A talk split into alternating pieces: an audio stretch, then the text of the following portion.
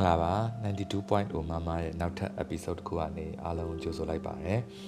ဒီတစ်ပတ်တော့ကျွန်တော်ပြီးခဲ့တဲ့တစ်ပတ်ကဂတိပေးခဲ့တဲ့အတိုင်းကျွန်တော်ရေးခဲ့ဘူးတဲ့ဝတ္ထုဝတ္ထုတို့ပေါ့နော်ဝတ္ထုအရှိကြီးကြတော့လည်းဒီမှာဖတ်လို့အဆင်မပြေဘူးဆိုတော့ဝတ္ထုတို့လေးတစ်ပုဒ်ကိုကျွန်တော်က audio book semi audio book ပေါ့နော်အသေးစားလေးပေါ့အဲ့လိုအနေနဲ့ဖတ်ပြပါမယ်ဆိုပြီးကျွန်တော်ဂတိပေးထားတယ်အဲ့အတွက်ဒီတစ်ပတ်ကျွန်တော် audio book လေးကိုလုပ်ဖြစ်ပါတယ် အဲဘာလို့လုပ်ဖြစ်လဲဆိုတာလေးတစ်ချက်ကျွန်တော်မြန်မြန်ပြောမြန်မြန်လေးပြောလိုက်ချင်ပါတယ် idea ရတာရည်ရတယ်ဘာလို့လဲဆိုတော့ကျွန်တော်စီကိုအဲထုံးစံတိုင်းဒီ voice message တွေဒီကျွန်တော်ဒီ anchor apps ကိုလာတဲ့ voice message တွေပေါ့နော်အဲ့ထဲမှာကျွန်တော်အမြဲဖတ်တယ်အဲ့ဒါတွေကိုအမြဲနားထောင်တယ်သူတို့ဘာပြောလဲဆိုတာသိချင်တော့အဲ့မှာပြောတဲ့ထဲမှာတော်တော်များများကလေဘာပြောလဲဆိုတော့စာဖတ်ပြင်းတယ်တဲ့အဲ့ဒါတော်တော်များများပြောတယ် စာဖတ်ပြင်းတယ်နောက်တစ်ခုကသူတို့စာဖတ်ဖို့အချိန်မရဘူးနော်နောက်ပြီးတော့အခုအချိန်ကြတော့ပိုဆိုးတာပေါ့နော်ဒီလိုမျိုးအချိန်ကြတော့စာအုပ်စာအုပ်တော့ဝယ်ဖို့တို့အဲ့လို inspiration တွေအများကြီးလိုတယ်ဗျာတလားစာအုပ်ဖတ်စာအုပ်လေးတစ်အုပ်ဖတ်ဖြစ်ဖို့ပေါ့နော်ဆိုတော့မဖတ်ဖြစ်ကြဘူးတဲ့အဲ့တော့ကျွန်တော်ဒီ podcast ကကျွန်တော်ကျွန်တော်ပြောနေတော့သူတို့ဖွင့်လာရင်အဲစာအုပ်တအုပ်နားထောင်ငါဒီလိုမျိုးသူတို့ဖြစ်တယ်ပေါ့နော် အော်ဆိုတော့အဲ့မှာကျွန်တော်စဉ်းစားမိโอเคစာဖတ်ပြင်းနေဆိုရင်တချို့သူတို့မဖတ်ဖြစ်လောက်တဲ့စာတွေဒါမှမဟုတ်အဲ့လိုကြော်သွားပြတဲ့စာတွေဆိုရင်ကျွန်တော်ဒီကနေပြောပြနေတယ်ဖတ်ပြနေတယ်ဆိုရင်သူတို့တပုတ်တလေလောက်များဖတ်မိသွားမလားပေါ့နော်အဲအဲ့လိုအဲ့လိုတခါအဲ့လိုလှုပ်ချင်တာတခုပေါ့နောက်တစ်ခုကအဲ့စာပို့တဲ့လူတွေထဲမှာတချို့ကဘာပြောလဲဆိုတော့အာကျွန်တော် podcast ဖွင့်ပြီးတော့သူတို့အိပ်ပျော်တယ်တဲ့ အိပ်ပျော်ဆိုအိပ်ပျော်ပျော်သွားတယ်အိပ်အိပ်ခါနီးအချိန်ဆိုသူတို့ဖွင့်ကြတယ်ဒါလေးဖွင့်ပြီးရင်သူတို့အာစိတ်ကနည်းနည်း calm ဖြစ်သွားတယ်နဲ့တူတယ်အဲ့ပြီးသူတို့အိပ်ပျော်သွားကြတယ်ပေါ့နော်ဆိုတော့ okay ဒါလည်းနောက်တတိကောင်းတာပဲပေါ့ဘာလို့လဲဆိုတော့လူတွေအိပ်မပျော်ကြဘူးလေနော်အိပ်မအိပ်ပျော်တဲ့လူနဲ့အိပ်မပျော်တဲ့လူနဲ့ဆိုအခုရက်ပိုင်းကအိပ်မပျော်တာများလာတယ်အဲ့မအိပ်မပျော်တာဘယ်လောက်များလာလဲဆိုကျွန်တော်တို့နိုင်ငံတင်လားဆိုတော့လည်းမဟုတ်ဘူး တကဘာလုံးမှာကျွန်တော်ထင်တယ်လူတွေတိတ်အိတ်မရအောင်နဲ့တူတယ်ဘာလို့လဲဆိုတော့ YouTube ကိုတက်ကြည့်လိုက်ရင်အမှ ASMR ဆိုတာရှိတယ်အရှိခောက်တော့ကျွန်တော်မသိဘူးပဲသူကအိတ်မွေးချတဲ့ဗီဒီယိုလိုမျိုးပေါ့အာဟိုဟိုမှာ mic နားမှာအတန်တစ်ခုခုအမှကတ်ကြီးညက်တဲ့အတန်လေးဖြစ်ဖြစ်တို့ကျွန်တော်အညာအိမ်အဲ့လိုချွတ်ချွတ်ချွတ်ချွတ်အတန်လေးအဲ့လို rhythm မှန်မှန်လာနေအဲ့ဒါလေးကိုနားထောင်နေတယ်လေကျွန်တော်တို့ကအိပ်ပျော်သွားတတ်ကြတာဟုတ် ဆိုတော့အမှ ASMR ဗီဒီယိုတွေဆိုတာရှားကြည့်လိုက်ပါအများကြီးတွေ့လိမ့်မယ်အမှတချို့ကြတော့အဲ့လိုအနှိမ့်တယ်တွေပေါ့ဟိုစပင်ညက်ရင်းနဲ့နှိမ့်နေတာကိုအတန်ဖမ်းထားတယ်ဗီဒီယိုရိုက်ထားတယ်အဲ့ဒါကိုကြည့်ရင်လည်းအဲ့အနှိမ့်ခံနေတဲ့လူကိုကြည့်ရင်လည်းကြည့်နေတဲ့ကောင်ကအိတ်အိတ်ငိုက်လာတာပေါ့အဲ့လိုမျိုး effect ရှိတဲ့ဗီဒီယို ASMR ဗီဒီယိုလို့ခေါ်ရထင်တာပဲတခြားတော့မသိဘူးအဲ့အဲ့ဒီမှာပုံပြောပြတဲ့လူတွေရှိတယ်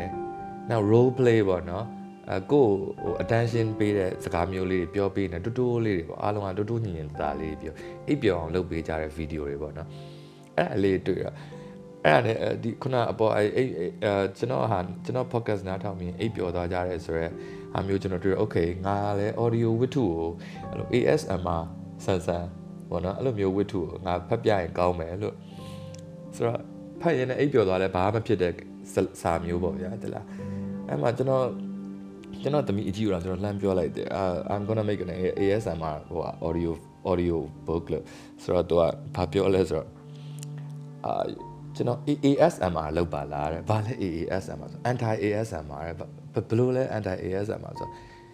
you yell at the mic မိုက်ခရိုဖုန်းနဲ့အကျယ်ကြီးអော်ပြောတာမင်္ဂလာပါကျွန်တော်ကြားပါပါဆိုလို့အကျယ်ကြီးអော်ပြောတယ်အဲဆိုရင်လူတွေနားထောင်ပြီးတော့အိတ်မပြောတော့ဘူးပေါ့နော်ဆို သူပြောမိကမမငါးပါးမောက်တယ်လို့ဖြစ်နေကျွန်တော်စဉ်းစားအော်တော်တော် evil ဖြစ်တဲ့အကြံပဲလို့လူတွေကိုကအိပ်ပြောအောင်လုပ်ချင်တယ်သူကအိပ်မပြောဘူးအကြံပေးနေပြီးတော့လည်းပြန်စဉ်းစားကြည့်အော်ငါမွေးထားတဲ့သမီးပဲအဲ့လောက်တော့ evil ဖြစ်မှာပေါ့လို့ကိုကိုပြန်ဖြေရတယ်ထားပါတော့ဆိုတော့အဲ့တော့ဝိထုကိုဖတ်မယ်ကျွန်တော်ဘာဝိထုဖတ်ပြခြင်းလဲဆိုတော့တချို့ကကျွန်တော်အဲကြောင်စာတွေကအဲနောက်ဒီကြောင်တက်နေတော့ဆန်နေရခလုတ်မြကျွန်တော်ထုတ်ခဲ့တဲ့စာအုပ်တွေက အာဝတ္ထုတပုတ်နှစ်ပုတ်တပုတ်စာနှစ်ပုတ်စာသူတို့အကြံပေးတာတွေရှိတယ်အဲကျွန်တော်ဝတ္ထုကိုကျွန်တော်ရေးတဲ့ဟာကို audio book ကအခုကျွန်တော်လုပ်တာဒါကျွန်တော်ကိုယ်တိုင်ဖတ်ပြတာပေါ့နော်ကျွန်တော်မဖတ်ပြဘဲနဲ့ရှေ့မှာနှစ်ခါ publish အလုပ်ခံရဘူးတယ်တစ်ခေါက်ကဒီခိုးတွေမပြန်ကြတော့ဘူးဆိုတဲ့ဝတ္ထုကိုအန်ဒီမင်းငိမ့်တို့လုပ်တာအာကျွန်တော်သူတို့သတင်းဌာနကိုကျွန်တော်တတေချာမမမေးလို့နော် I'm sorry ပါ VOA လား အာ BBC လားမြန်မာမြန်မာပိုင်းလားမသိအဲ့လိုမျိုးအစီအစဉ်တစ်ခုမှာအဲ့လိုအတန်တရုပ်ဆောင်နေနေပဲအဲခိုရီမပြန်ကြတော့ဘူးဆိုတော့ဝတ္ထုကိုဖတ်တယ် and then နောက်တစ်ခါကျတော့နောက်တစ်ခါပိုရီရတယ်ကျွန်တော်မှတခန်းရက်ငရဲပြဆက်ဆိုတာရှိတယ်အဲ့ဝတ္ထုကအယိုးအယိုးအကြောင်းကိုရေးတာအဲ့ဒါလည်းပြောရရင်နည်းနည်းလေးအတွန်းတက်တယ်လို့တော့ဖြစ်ကျွန်တော်ကျွန်တော်နည်းနည်းလေးထပ်ပြောပြချင်လို့နော်ရီအယိုးနဲ့ကျွန်တော်နဲ့အမှတ်တရအောင် အယိုးမှာဝတ္ထုတစ်ပုဒ်ရှိတယ်ဗျာသူထွက်ဖြစ်လားမထွက်ဖြစ်လားမသိဘူးအဲ့လိုရှိသမျှသူ့နာရှိတဲ့လူတွေအားလုံးကိုသူအဲ့လိုဇက်ကောင်လောက်ထားတာအဲ့လိုသူ့ရှေ့ကစိုးဒီမာထဲမှာပါဖြစ်လားမပါဖြစ်လားကျွန်တော် I'm not sure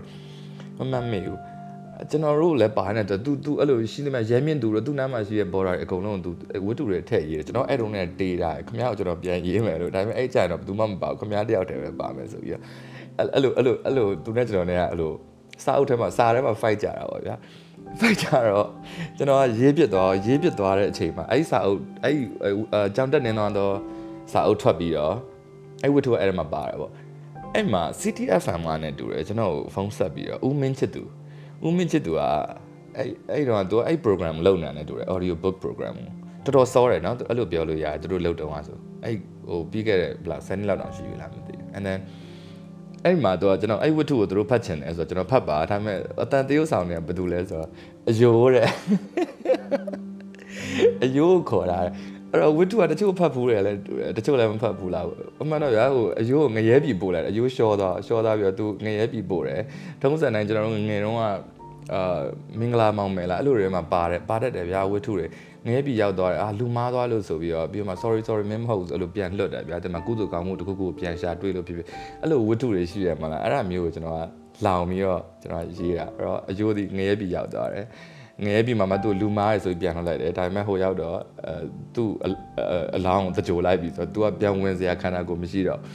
အဲ့အကြောင်းကိုရေးတဲ့ဝတ္ထုကရေးတော့အဲ့လောက်မကြည်ရပါပဲ အဲ့သူ့နေရာမှာသူ့သူ့အတန်နေရာမှာသူ့ character နေရာမှာသူကိုယ်တိုင်ဝင်ပြီးတရုပ်ဆောင်တဲ့အခါကျကျွန်တော်မှလေအဲ့ဒါကိုနားထောင်လိုက်ခွတ်ထုခွတ်လန်ရီလိုက်ပေါ့နော်တော်တော်တော်တော်ပျော်ဖို့ကောင်းတယ်ဆိုတော့အခုဒီတစ်ခါကျတော့တခြားအတန်တရုပ်ဆောင်နေမပါဘဲနဲ့ကျွန်တော်ဖတ်မယ်ဒါပေမဲ့ဘာဝတ္ထုလဲဆိုတော့ပမာမခန့်အိတ်ဆက်ခြင်းဆိုတဲ့ဝတ္ထုအဲ့ဒါ percentage တော်တော်များများလူကျွန်တော်စာရီဖတ်ဖို့ရလူတချို့မသိလောက်ဘူးအာအဲ့ဒီဝတ္ထုကအာပမာမခန့်စာတန်းများဆိုတဲ့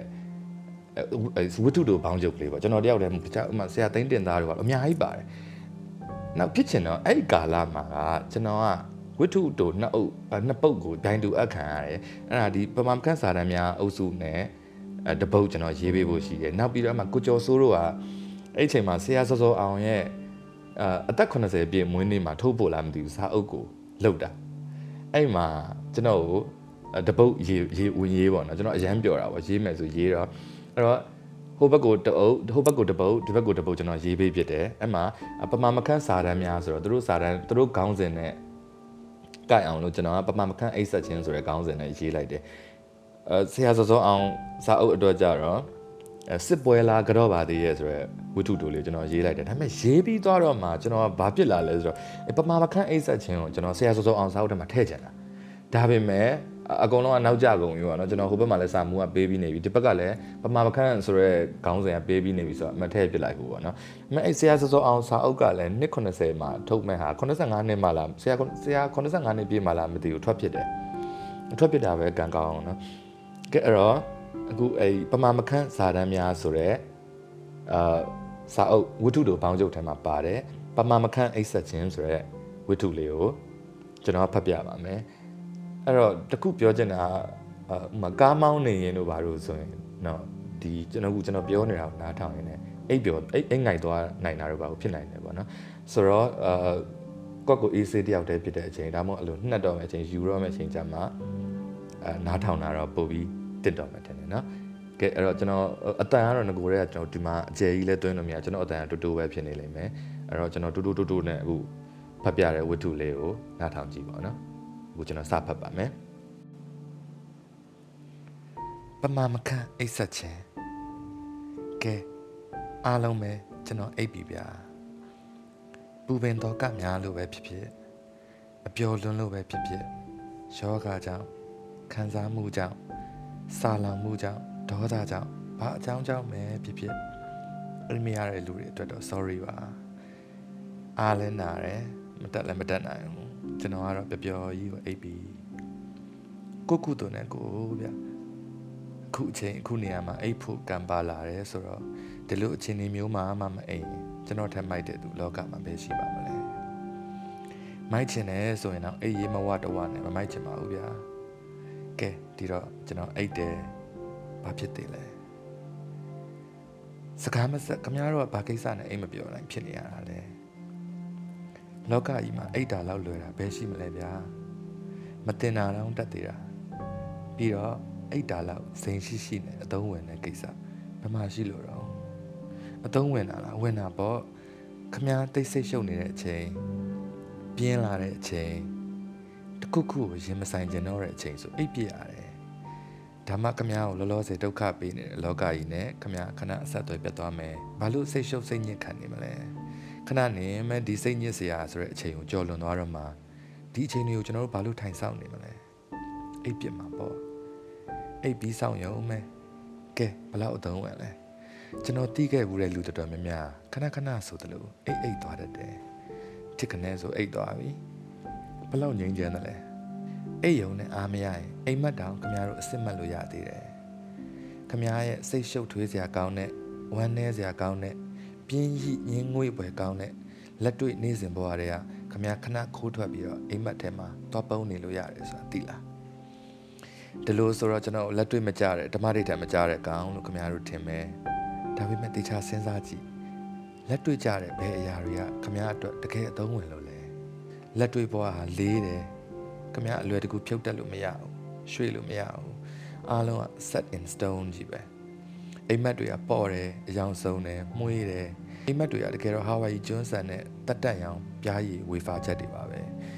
တိုးတယ်မြန်တယ်ရတာရှိတယ်ထိမိတယ်ဖြက်ခနဲ့ဖြက်ခနဲ့လိုရင်းစီသွားတယ်ခမရဲ့အပြင်ဘဝထက်အများကြီးစိတ်ဝင်စားစရာကောင်းတယ်နောက်ခမတို့ပြောပြောနေတာကျွန်တော်ကြားဘူးပါတယ်တည်သွားတာမှကောင်းအောင်မယ်ဆိုတာလေကိစ္စတစ်ခုကိုတာဝန်မယူခြင်းရှင်မဆိုင်ခြင်းတော့ရင်ဒီစကားကိုခမတို့ပြောကြပြီ အမှန်တော့ခမရတို့မသိလို့အိတ်သွားရင်လည်းကောင်းတာပဲဗျတည်သွားရင်ဘာတာဝန်မှမယူရတော့မှန်တယ်ဒါပေမဲ့အိတ်သွားရင်လည်းခမရဘာတာဝန်မှယူစရာမလိုဘူးမယုံရင်ခမရကိုအိတ်ကြည့်လိုက်တော်ယုံတန်ယုံဘယ်သူမှခမရကိုဘာတာဝန်မှလာမပေးတော့ဘူး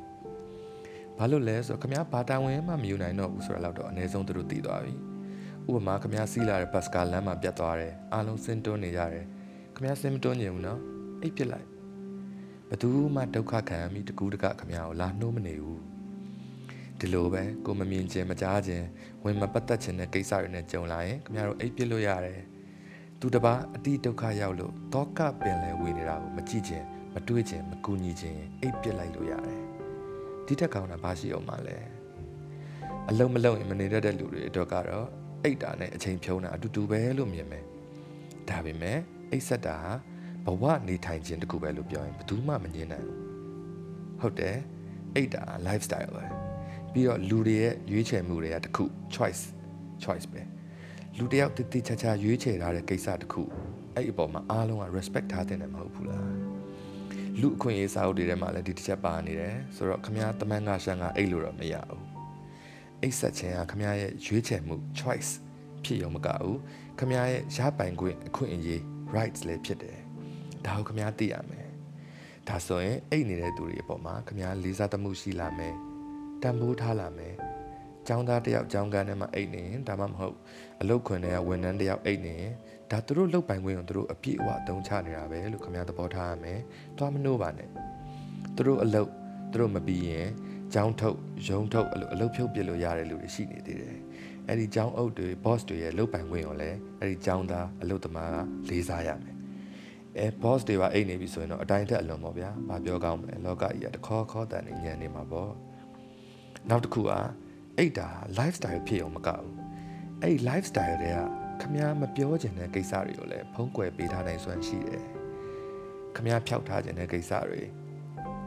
လူမသိစေခြင်းတဲ့အကြောင်းအရာတွေအားလုံးကိုအိတ်နေတယ်ဆိုတဲ့စကားတစ်လုံးနဲ့နဲ့ဖုံးကွယ်ပြလို့ရတယ်။ခမည်းရဲ့မင်းညကကတင်မောင်ကအဖြစ်ပြက်တွေအားလုံးအိတ်တယ်လို့ပြောလိုက်ရုံနဲ့ အားလုံးနားလည်သွားအောင်ရှင်းပြလို့ရတယ်ဒီ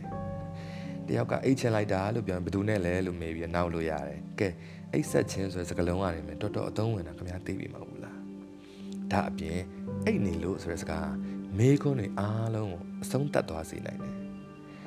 ဥပမာမနေ့ကလောက်ခိုင်းတဲ့အိမ်စာဘာလို့မပြီးလဲအိတ်ပျော်သွားလို့ချင်းထားတာဘာလို့နောက်ကျတာလဲအိတ်ပျော်သွားလို့